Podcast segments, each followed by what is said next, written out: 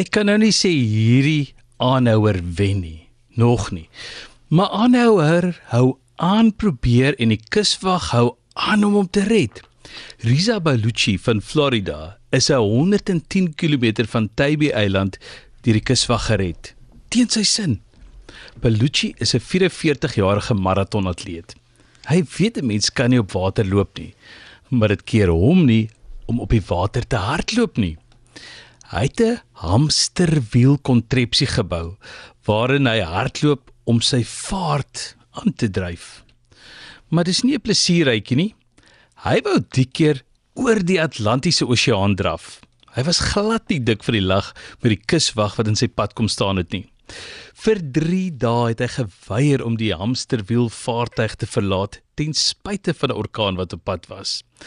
Hy het gedreig om homself op die lewe te bring as die kuswag aan boord sou kom. Hy het gewaarsku hy het 'n bom aan boord. Maar op lentedag by ons, erfstig daar, het hy sy poging laat vaar. Hierdie keer. Daar was egter sedert 2014 nog 3 pogings. In 2021 is hy gered en gearresteer toe hy van Florida na New York wou draf en 30 km van sy beginpunt weggedryf het. Volgens Balucci pak hy hierdie vaarte aan om geld in te samel. Snaaks genoeg glo ook vir die kuswag wat hom so gereeld red en arresteer.